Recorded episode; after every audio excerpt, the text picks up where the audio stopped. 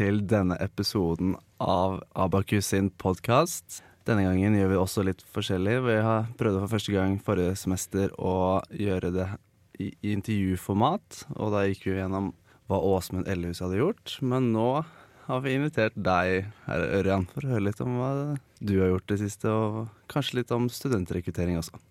Helt vilt. Helt vilt. Helt vilt. Hvordan er det med deg? Eh, har det bra. Eh, overraskende god form etter gårsdagens eh, revyforestilling. Ja? Eh, det ble jo selvsagt eh, litt øl og whisky på Lykke frem til det stengte. Så ble det den obligatoriske sesamburgeren på vei hjem, og så nå er jeg her. De der gode eh, Trondheimsvanene de går liksom ikke ut av blodet. Det skal være så, så lenge på Trondheim så, og sesam, og så er det greit å gå hjem. Ja, det var, kjent, det var godt å komme tilbake, ja. Ja. og, og hva er det da eneste grunnen for at du er her oppe i Trondheim, kanskje? Det er jo en sånn vårgalla med abokus i morgen, da.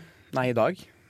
Tenkte jeg at det var i går. I dag er det. Nei, vår, vårgalla er i dag. Ja, Ja. Så um, eh, jeg skal opp på La Bamba halv tre ish og ta, knekke min første øl, og så varme opp til vårgallaen litt senere i dag. Så får se hva kvelden bringer, og hvor lenge jeg holder ut. Ja, Du skal også til og med snakke så vidt om orden for uh, hovedstyret også, ledertrening. Vi skal snakke i en halvtimes tid, da, for Ja. ja.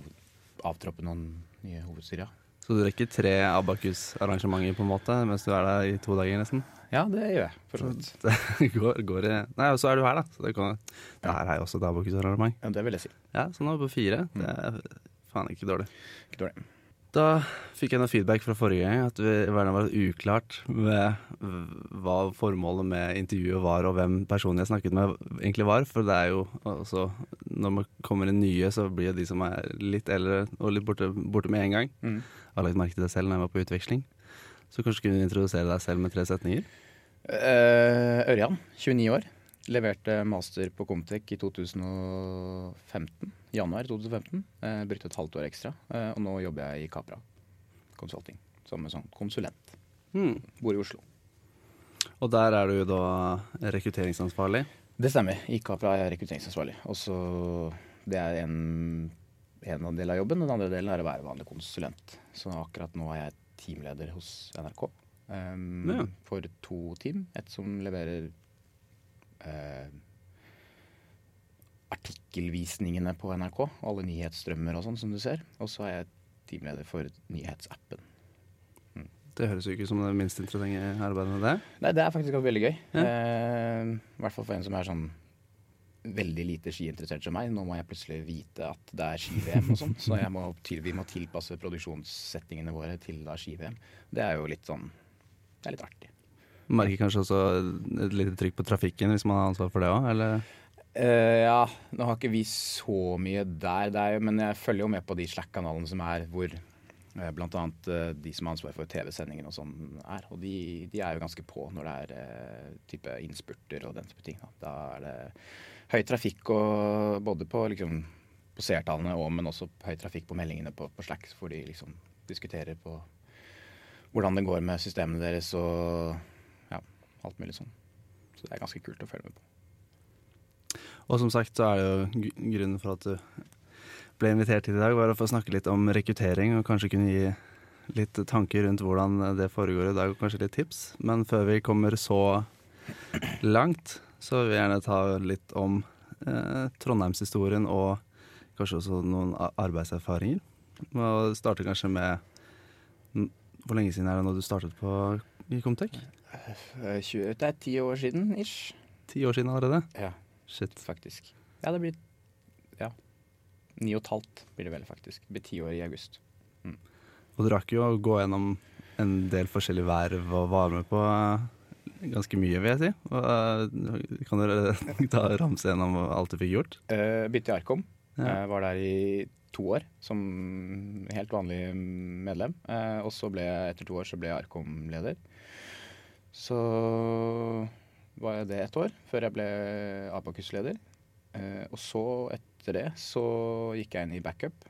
Så var der et halvt års tid før jeg ble backup-leder. Eh, sånn at jeg kunne plage det hovedstyret litt til. Eh, og så satt jeg i fondsstyret et år, vel, før jeg mm, også drakk å være med og starte denne ordenen. Og så sitter som kansler eller nestleder i denne ordenen. da. Fikk du også tid til å gjøre noe sånt med Samfunnet eller Uka eller andre, utenom Abakus også? Det er jo en av de tingene som Hvis jeg skulle gjort Trondheim på nytt, så tror jeg jo at jeg ville klemt inn et uh, ukeverv eller et samfunnsverv. Fordi uh, Det er noe jeg savner litt når jeg er på Samfunnet. Merker at liksom, dette her, er, her har jeg vært har hatt et verv. Og spesielt de gangene hvor jeg klarer å snike meg inn på, på hyblene, så merker jeg jo det at det er liksom litt synd å ikke ha sin egen hybel som du har et forhold til. Jeg merker det spesielt godt hvis jeg er med, med, eh, med Sudi, som er en kompis av meg, som for så vidt skal spille inn en podkast senere i dag. Ja, tilfeldigvis. Eh, tilfeldigvis. Eh, for han har jo vært med i uka fire ganger eller noe sånt og hatt forskjellige verv. Og da merker man jo at Ikke at jeg tror jeg hadde vært med på så mye, men, men jeg merker at det, akkurat den misunner jeg litt. da. Og spesielt i forbindelse med type uka nå, og som har vært liksom uka 17 og uka 15, når du kommer tilbake og er med på type HLGLG eller hva den heter for noe, så merker jeg jo det at det hadde vært gøyere om jeg hadde hatt et verv i uka. Mm. Har du noen tanker om akkurat hvilke, hva du skulle gjort i uka, eller hva du skulle gjort i samfunnet? Er ikke det så viktig? Nei, jeg har ikke peiling. Eh, jeg kunne sikkert kanskje gjort som noen og blitt med i eh, ARK, i Akademisk radioklubb. Men eh, bortsett fra det, så tror jeg neppe jeg har, da- jeg har ikke noen preferanser, sånn sett. Nei. Nei. Jeg, ser faktisk, jeg kjenner meg faktisk godt igjen der. Det er nesten bare Abakus og noe som det Dataforeningen, som jeg også holder på med, så ikke noe samfunn i det hele tatt. Og det kjenner veldig på det. Akkurat, veldig likt faktisk, med hvordan det er med hybelen. Og det er jo det er liksom Samfunnet her, tror jeg er noe unikt som du ikke liksom får sjansen til å gjøre senere. Ja, man kan si fryktelig mye godt om Abakus, eh, men det er, det, er, det er noe helt eget når du er et ordentlig fysisk lokale som alle kjenner til. Og ja, det er noe litt annet. Mm. Men for å gå litt tilbake til uh, Abokus og det du gjorde der. Hva er liksom det du er mest stolt av? Hva er det du ser tilbake på er mest glad over at du gjorde i eh, Abakus? Um, det, det, det som jeg er mest fornøyd med, det er kanskje to ting. Det er, eh, det er å opprette fondet. Um, for det gjorde vi vel da jeg satt Jeg husker ikke om jeg var leder eller Jo, jeg var leder da vi oppretta fondet. Og så eh, ordenen. Ja. Eh, Fondet først fordi det var eh, veldig gøy å jobbe med det hovedstyret vi hadde på det tidspunktet. Eh, og backup var nydelig å jobbe sammen med, og vi fikk eh, masse gode ideer fra andre linjeforeninger på hvordan de håndterte sine oppsparte midler. Ja. Um, og så opplever jeg jo for så vidt at fondet brukes relativt slik som det var tenkt til da vi oppretta det også. Eh, selv om det åpenbart har kommet noen tilpasninger. Men, eh, så det har, vært, det har vært kjempegøy å følge med på, egentlig. Um, ja. Og så er det åpenbart at ordenen også har vært gøy å få lov til å være med å starte. Og se hvordan den også har utviklet seg, på en måte. Mm. Eh, alt fra den første på en måte, Når vi kalte det ordenspromosjon og ingen skjønte hva det var, til at det ble vårgalla, og at man nå har slått det sammen med en liten hedring for revyen også. Det er helt topp. Så um, det er moro. Og så er det jo fryktelig gøy å komme tilbake til Trondheim og nesten føle at man er på en liten reunion med de par og tyve gamlingene som har blitt med opp. Um, Det er ganske moro. Ja, når man er i det, så tenker man kanskje ikke at det er så sykt stort, men det må være veldig gøy, og den lille tingen man gjorde når man var student og holdt på og satt opp en ny ting, og så se at den har, lever for seg selv, og den har vokst det den har blitt i dag. Ja, det, og det er jo veldig behagelig å, å merke at du blir mindre og mindre eh, At folk blir mindre og mindre avhengig av det. Eller at du liksom du ser at dette ruller og går helt uten at jeg trenger å gjøre noe som helst. Um, det er veldig behagelig.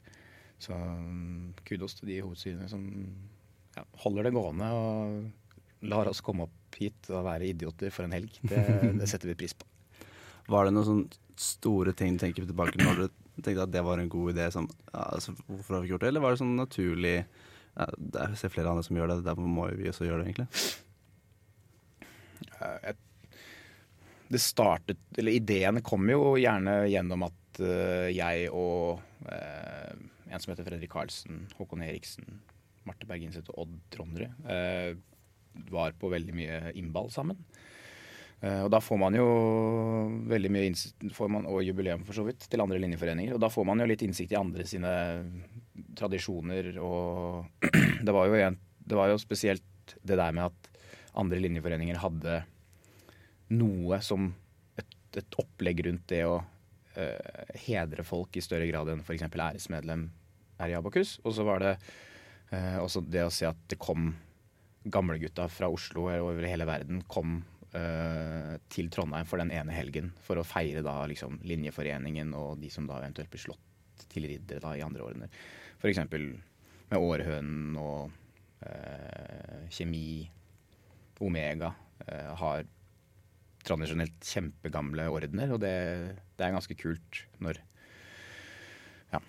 det er folk på 80 som eh, kommer på et jubileum. Eh, fordi de for 60 eh, år siden gikk, var formann i Smørekoppen. Det er ganske kult. Ja. Så det var, jeg tror på en måte det var litt av det som gjorde Som trigga oss da, til å finne på noe for Abakus også.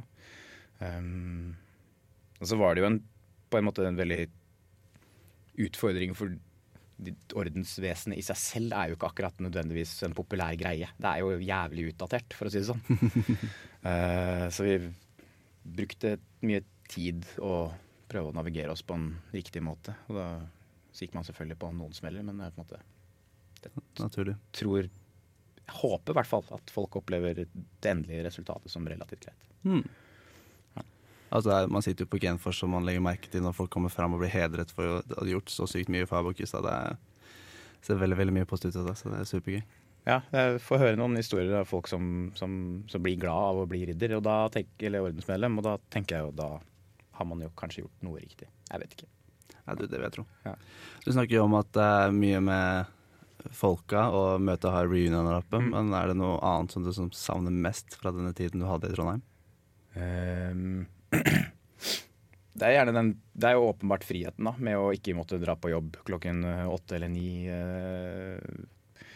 Du er ute og drikker pils på, til Oslo på en tirsdag, og du merker liksom at formen begynner å komme seg, og du har egentlig lyst til å fortsette og kanskje ta det ekstra videre, så vet du på en måte at men jeg har det møtet i morgen klokken åtte, så jeg må faktisk hjem. Ja. Um, og du må faktisk prestere litt fordi det er en kunde der som betaler for at du skal gjøre en god jobb. Da, klart, da, da må du komme deg hjem. Mens uh, det er jo noe man kanskje savner i Trondheim. Um, samtidig så er jo den friheten også egentlig en litt sånn uh, Du får jo på en måte en frihet med å jobbe også, fordi jeg merker helgene har blitt ekstremt uh, Jeg tar jo ikke med meg jobben hjem i helgene. Jobber ingenting i helgene.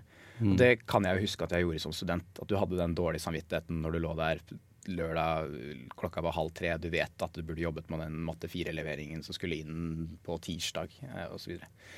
Den uh, akkurat, akkurat, det presset der savner jeg ikke. Men, uh, men, det er den friheten, merker jeg. Jeg husker blant annet uh, første året jeg jobbet, så var det, det var 2015, og så var det oktoberfest uh, i uka. Da kan jeg liksom huske da, den mandagen når, når, du da kommer på jobb og du liksom setter deg der i skjorta og logge på PC-en og begynner å ja, gjøre jobben din, og så begynner det å renne inn snap fra folk, for da har du liksom akkurat slutta i Trondheim. Men da begynner det å renne inn av snap, snapper fra masse, masse masse kompiser som fortsatt er i Trondheim, som da liksom gjør seg klar til Oktoberfest. Akkurat det kjenner jeg gjorde litt vondt. Ja, ja. det kan jeg ikke ja. Da var det, ikke, da var det ikke så gøy å jobbe. Så friheten tror jeg kanskje jeg savner mest. Ja, jeg har hørt det fra mange. Ja. At jeg kjenner på det selv òg. Man bare går fra som jobb og så tilbake igjen. Det er jo ja. Herregud, så heldig man er som student. Det må man virkelig ta vare på. Ja, virkelig. Uh, det, er, det, er, jo det er akkurat den friheten, og den er vel kanskje også Eller følelsen Den frihetsfølelsen er jo noe av grunnen til at man gidder å komme opp hit også, sånn som i dag. At man får lov til å føle på det i to dager, da. At man glemmer den der hverdagen i Oslo og bare fjaser rundt her oppe i Trondheim. Det er ganske, det er ganske moro. Uh, mm. det er ja, Jeg snakket med mamma på telefonen i går, og hun ja, ler jo godt. Uh, og jeg har prøvd mange mange ganger å prøve å forklare hvor, hva, hvorfor den magien er så sterk. Da. Og det er helt, det er, det er helt umulig. Så mm. ja, du må nesten være Trondheim-student, og kanskje til og med Gløs-student, for å merke det så hardt som, som vi gjør. Ja, jeg har allerede lagt merke til på foreldrene mine at de de vet veldig at den studietiden jeg har hatt, er veldig forskjellig fra hva de, de gjorde på sin tid. Ja, virkelig. Det kan jeg kjenne meg igjen i. Mm, men de har litt, utenom det så tror jeg ikke de har så mye bilde på hva jeg egentlig må drive med her. Nei. Jeg har fått veldig mange Jeg skal du ikke gjøre, gjøre lesing, da? Du, nå jobber du veldig mye med disse frivillige greiene. her. Kanskje på tide å lese litt? Få høre en del ganger. Ja, det, jeg kjenner meg igjen i den. Ja.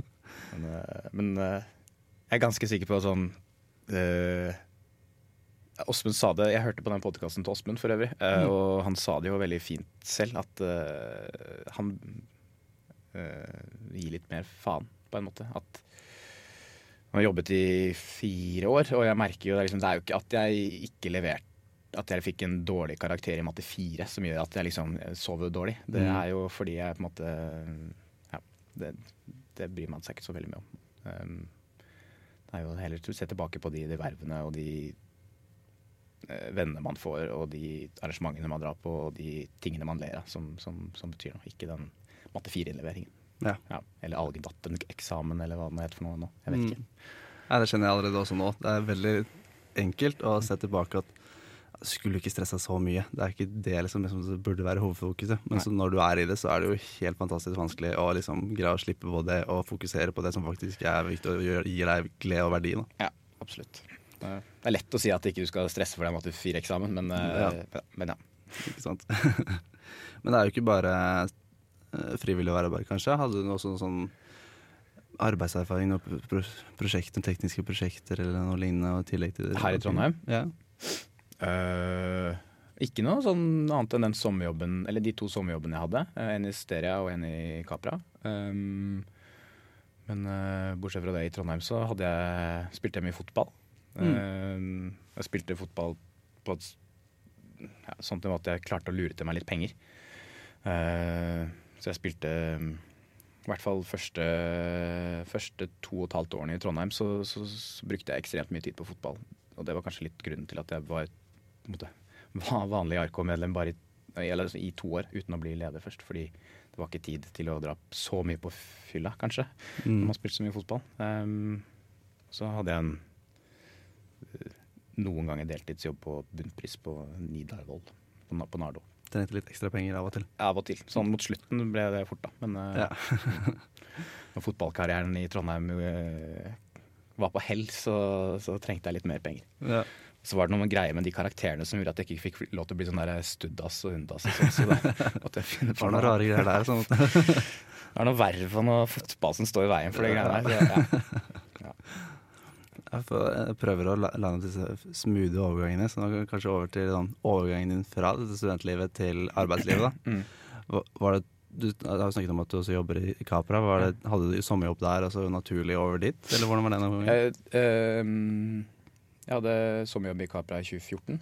eh, og det var bare et halvt år da, egentlig før jeg skulle være ferdig. Eh, så det var jo superflaks og supergull at de hadde lyst til å ha meg med der. Grunnen til at jeg ville dit, var jo fordi at jeg kjente mm, folk som hadde akkurat begynt der. Um, og som jeg syntes var flinke folk, og som jeg hadde lyst til å jobbe med.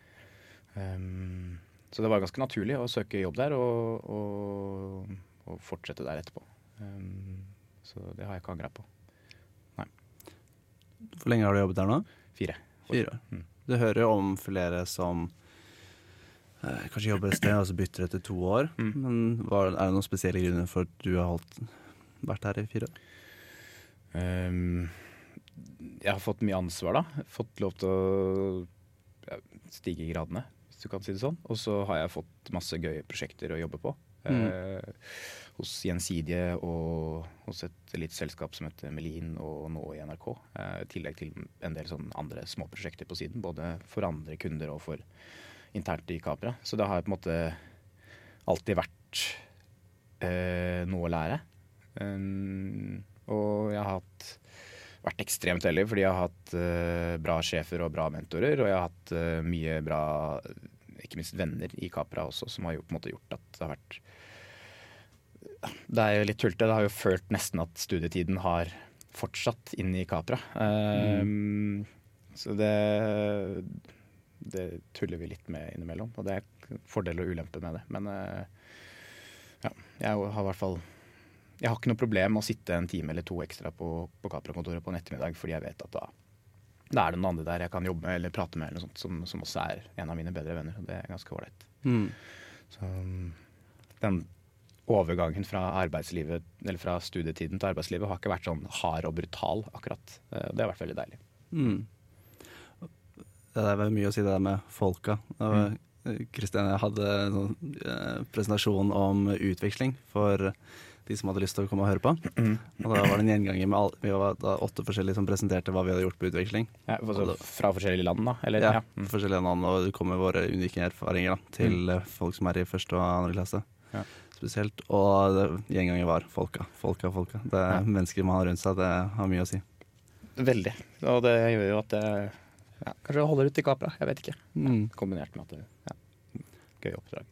Det er mye med det derre konsulentfokuset, også spesielt opp mot Abakus. Var det en sånn alternativ noen gang kanskje se på noe annet enn konsulentlivet? Uh, ja, jeg kan huske at jeg uh, ikke hadde lyst til å bli konsulent. Uh, eller i hvert fall tenkte at det, det må da finnes noe annet enn disse konsulentselskapene. Eh, og så Men jeg var jo ikke sånn veldig aktiv på å finne de heller, kanskje. Så det, når jeg da så at det var mye andre flinke folk som begynte i Capra, så, så, så Var det et naturlig valg? så ble det naturlig valg. Men jeg forstår jo veldig godt at folk tenker de tankene. Og jeg kan jo eh, jeg, jeg tror vi ser også i større grad nå enn eh, f.eks. da jeg var eh, ferdig utdanna, at flere søker seg inn til eh, inhouse-miljøer, eller produkthus, da. Eh, eller da startups, eller godt etablerte startups med ungt miljø, eh, hvor, det er, måte, hvor du bygger et produkt, da, og ikke blir på en måte kasta ut på et prosjekt eh, til prosjekt. Så det er på en måte Hvorfor det er sånn, det mm, tipper jeg litt fordi jeg tror flere og flere sånne produkthus ser at f.eks. Gjensidige eller DNB eller Vips eller eh, Sparebank1 og blant mye finansgreier, da, men, men, eh, og NRK for så vidt, begynner å se heldigvis eh, verdien i å ha flinke, flinke, flinke utviklere.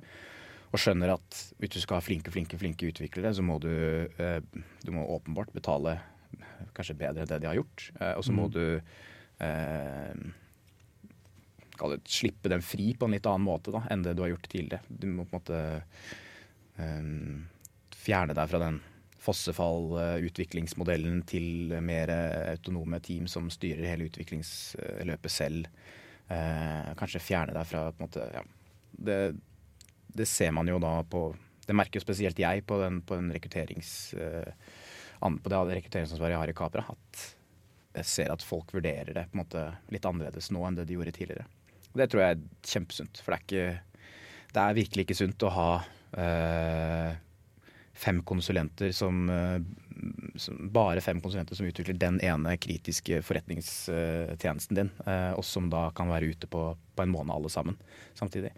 Det er ikke helt heldig da, for bedrifter. Så det er... For å følge den naturlig over til da, dagens hovedtema og rekruttering. Mm.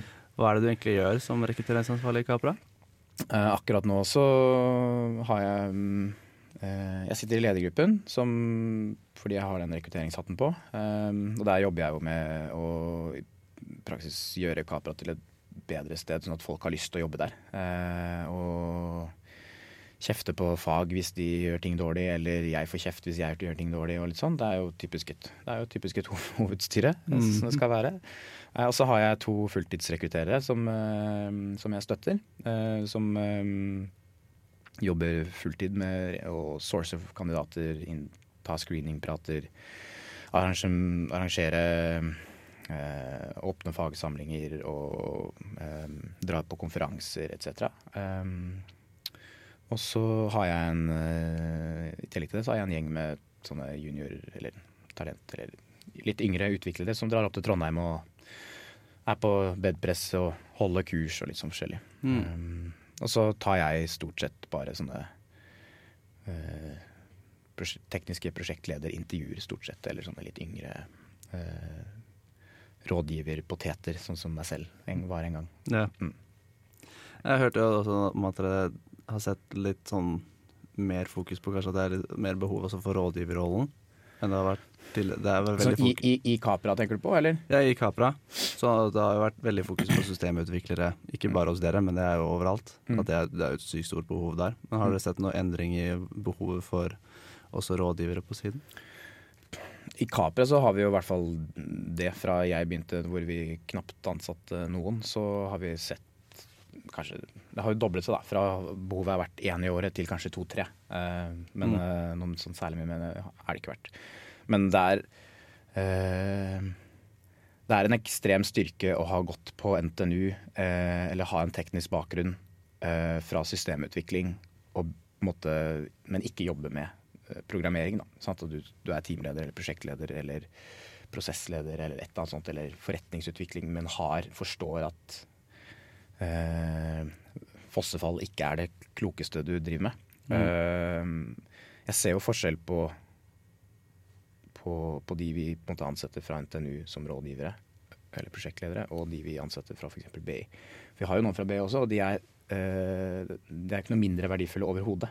Men de har et helt annet mindset, eh, og de trenger litt mer tid på å forstå basic systemutvikling. Da. Um, så jeg tror det er supersunt å, ha, å få utviklere og rådgivere med teknisk bakgrunn fra NTNU så høyt som mulig opp i, i ja, IT-avdelingene, eh, og kanskje enda høyere eh, i bedrifter. Det er virkelig, ser jeg. Mm. Jeg syns alt sånt her er superinteressant, og alt er egentlig sånn innunder masteroppgaven min, så jeg holder meg bare igjen for å ikke snakke om den hele tiden, som jeg pleier å gjøre nå. Men du har sikkert også noen interesser rundt alt det her med rekruttering og alle disse tankene. Hva tenker du var grunnlaget for at du fikk sånn rekrutteringsansvarlig så tidlig da, etter studiet? Um, da jeg begynte i Capra, så Eller før jeg begynte i Capra, så hadde jeg jo ingen interesse for det overhodet. Tenkte å rekruttere er jo en gjeng med sleip og åler hele gjengen. Eh, og så begynte jeg i Capra, og da hadde Sudi eh, og en som heter Nils Fredrik eh, an, ansvar for rekrutteringen, talentrekrutteringen i Capra. Eh, og de kjente jeg jo fra før, så da ble jeg på en måte litt med der. I tillegg til det så var han som da var daværende rekrutteringsansvarlig i Capra, var eh, uh, syns jeg var helt nydelig å jobbe med. Uh, var kjempeflink og sikkert den jeg har lært mest av.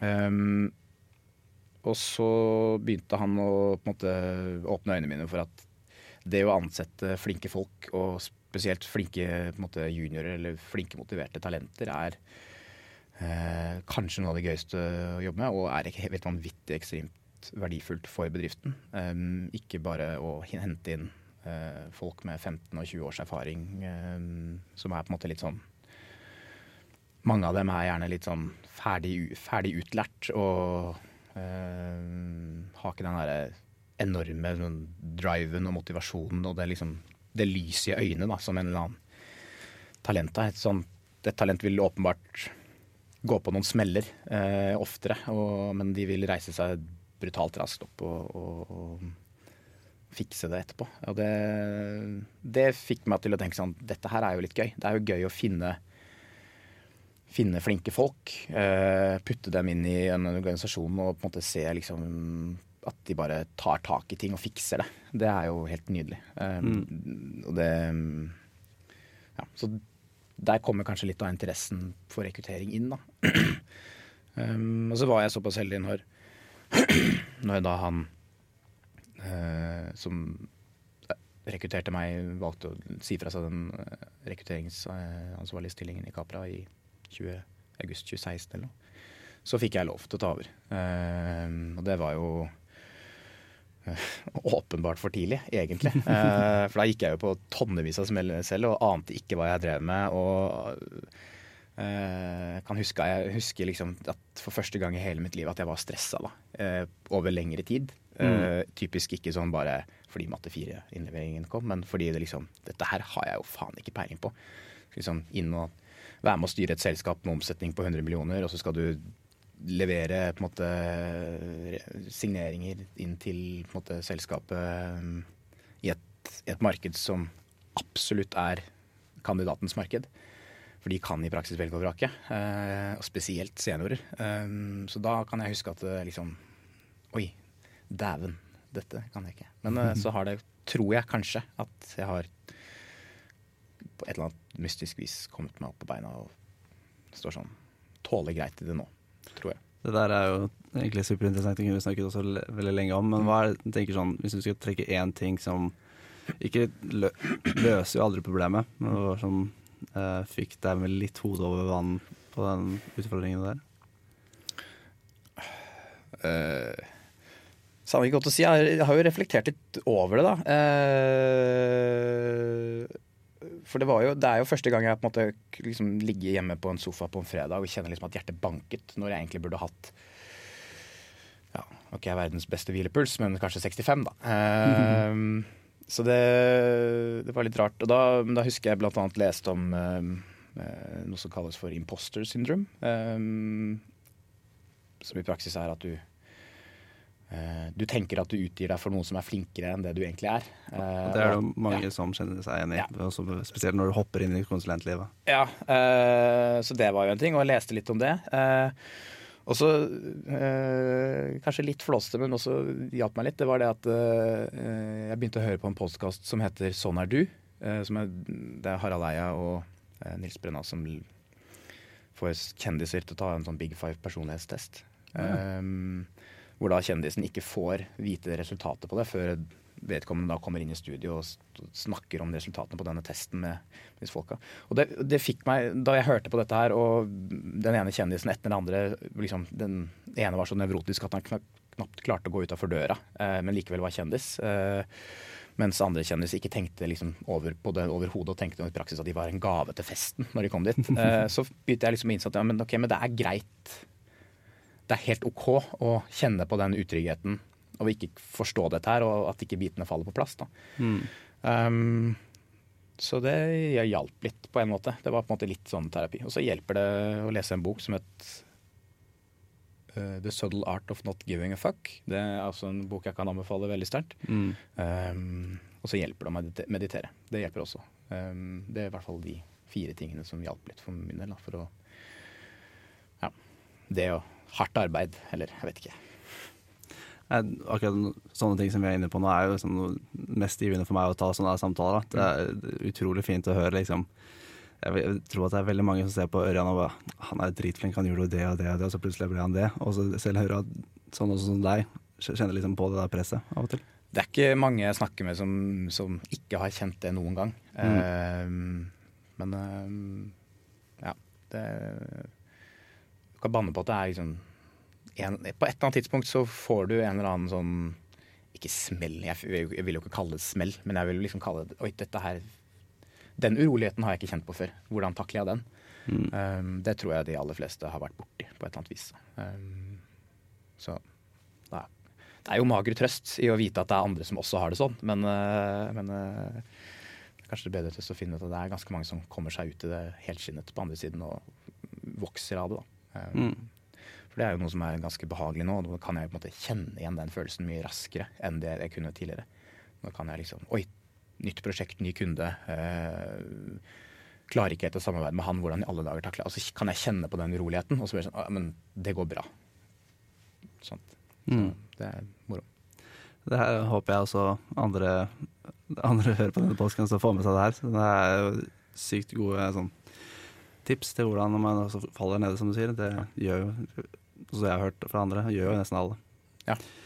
Men inne på det med eh, tips og sånn, eh, rekruttering, Mm. ser du sånne store feil som folk gjør som du gjerne kan gi tips til når de hopper ut i den rekrutteringsfasen?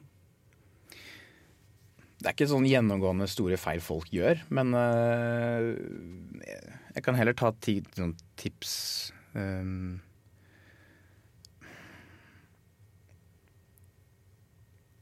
Jo, en av de tingene som jeg kom på som, som jeg ofte tenker på, det er at uh, i hvert fall med studenter, da, Uh, tenker at det å velge sin første jobb er vanvittig viktig. Uh, og føler liksom at det sprang ut i å velge den rette arbeidsgiveren med de rette folka, med det, liksom det rette miljøet og hele den biten der, og den rette teknologien og de rette problemene. At det er liksom Det er ikke veldig mange som gjør det, men noen gjør det og tenker at dette her er liksom det viktigste i hele livet som de skal til valget. Um, Og eh, for noen er det det, eh, men stort sett så er det ikke det. Eh, I hvert fall sånn som bransjen er i dag, hvor du eh, i praksis bare rekker opp hånda, og så kommer det noen andre folk og spør ja, men det, du kan jobbe hos oss. Mm. Så den, hvis du velger feil, så er det lett å bytte. Eh, og så er det jo flinke folk overalt, så du kan nesten ikke velge feil eh, som eh, i hvert fall student på NTNU. Eh, eller på, på Data Comtec. Så. Det er i hvert fall ja, Den opphaussingen at dette er så fryktelig viktig, det tror jeg ikke er Det opplever jeg at folk kanskje hauser litt opp. Og så det med når jeg prøvde å forberede meg til denne intervjuet, var at eh, når man er i første klasse, eller når man er i tredje klasse, eller når man er i femte klasse, så har man veldig forskjellig forhold til hele denne prosessen og sommerjobb og så fast jobb. Og så i første klasse er sånn ja, jeg har egentlig ikke noe forhold til det i det hele tatt. Nei.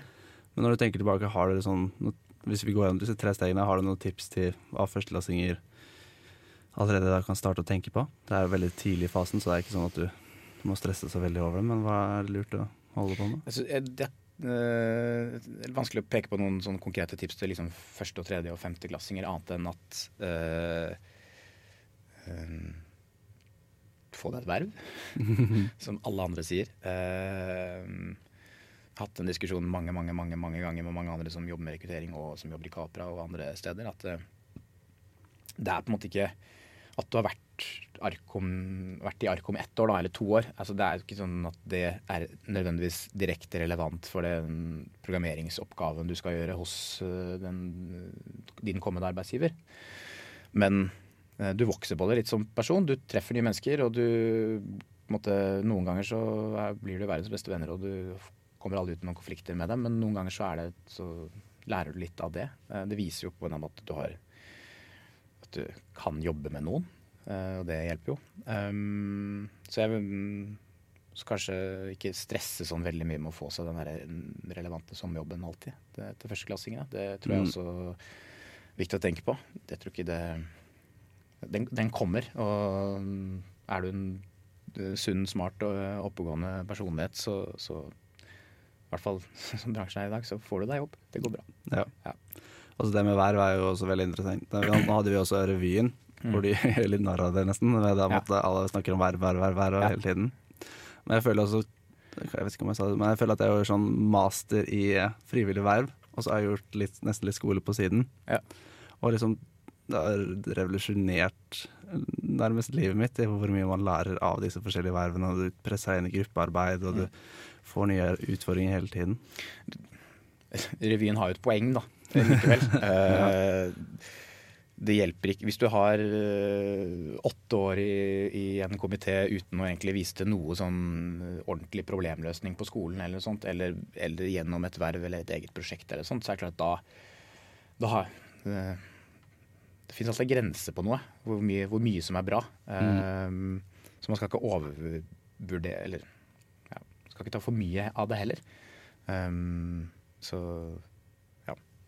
Det fins en balanse der et sted. Uh, det er greit å gjøre det greit bra på, på objektorientert og, og uh, ja, kunne programmere, da. Eller ja, whatever.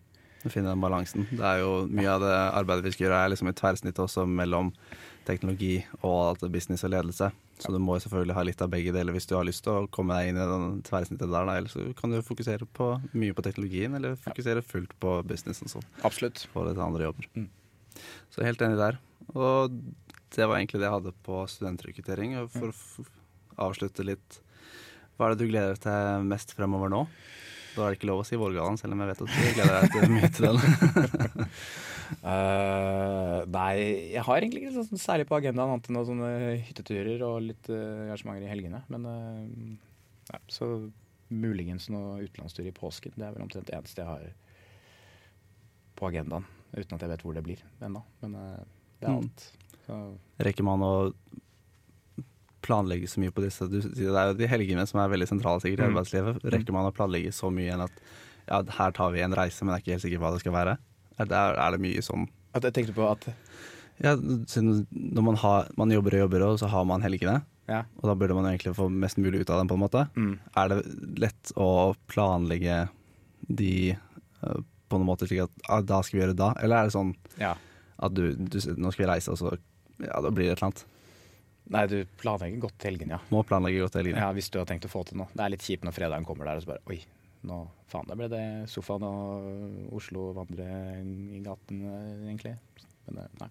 Det er til å planlegge helgene, så du har noe å glede deg til. Det er ikke alltid det er like motiverende Uh, tirsdag formiddag, og du har liksom nesten hele uka foran deg. Da er, ikke er det godt å se frem til noe i helgen. Uh, mm. litt tilbake til det jeg nevnte i stad, med liksom helgen blir en det blir en ordentlig fri Det blir to ordentlige fridager eh, sammenlignet med hva det var kanskje da du var student, hvor alle dagene nesten bare Er litt fri her og litt fri der. Litt fri her, ja. Ja. ja, nei, det her har vært egentlig sykt interessant og sykt mange tips. Så det har vært, tusen takk for at du kom her i dag. Og da får jeg ta min vanlige avslutning på podkasten, som jeg gjør hver gang. Det er med at alle som hører på nå, må passe på at du får også fremtidige episoder. Og vi er da på Apple Podcast, Spotify og Soundcloud. Og hvis du har noen tilbakemeldinger, så håper jeg du sender inn melding enten på podcast.abakus.no, eller så har vi også en Slack-kanal i Abakus Workspace. Vi har også sosiale medier med Facebook, og har en gjeng som heter, kaller seg selv Podderud, som også har laget en uh, Instagram-konto, hvor vi også kan få kreative innslag der òg. Så følg med der. Tusen takk til Kristian som sitter her og hører på som tekniker og til C-Sharp for jinglen vi spiller hver gang. Og tusen, tusen takk, Jørgen for at du tok deg tid til å komme innom her. Takk for at jeg fikk komme. På gjenhør. La,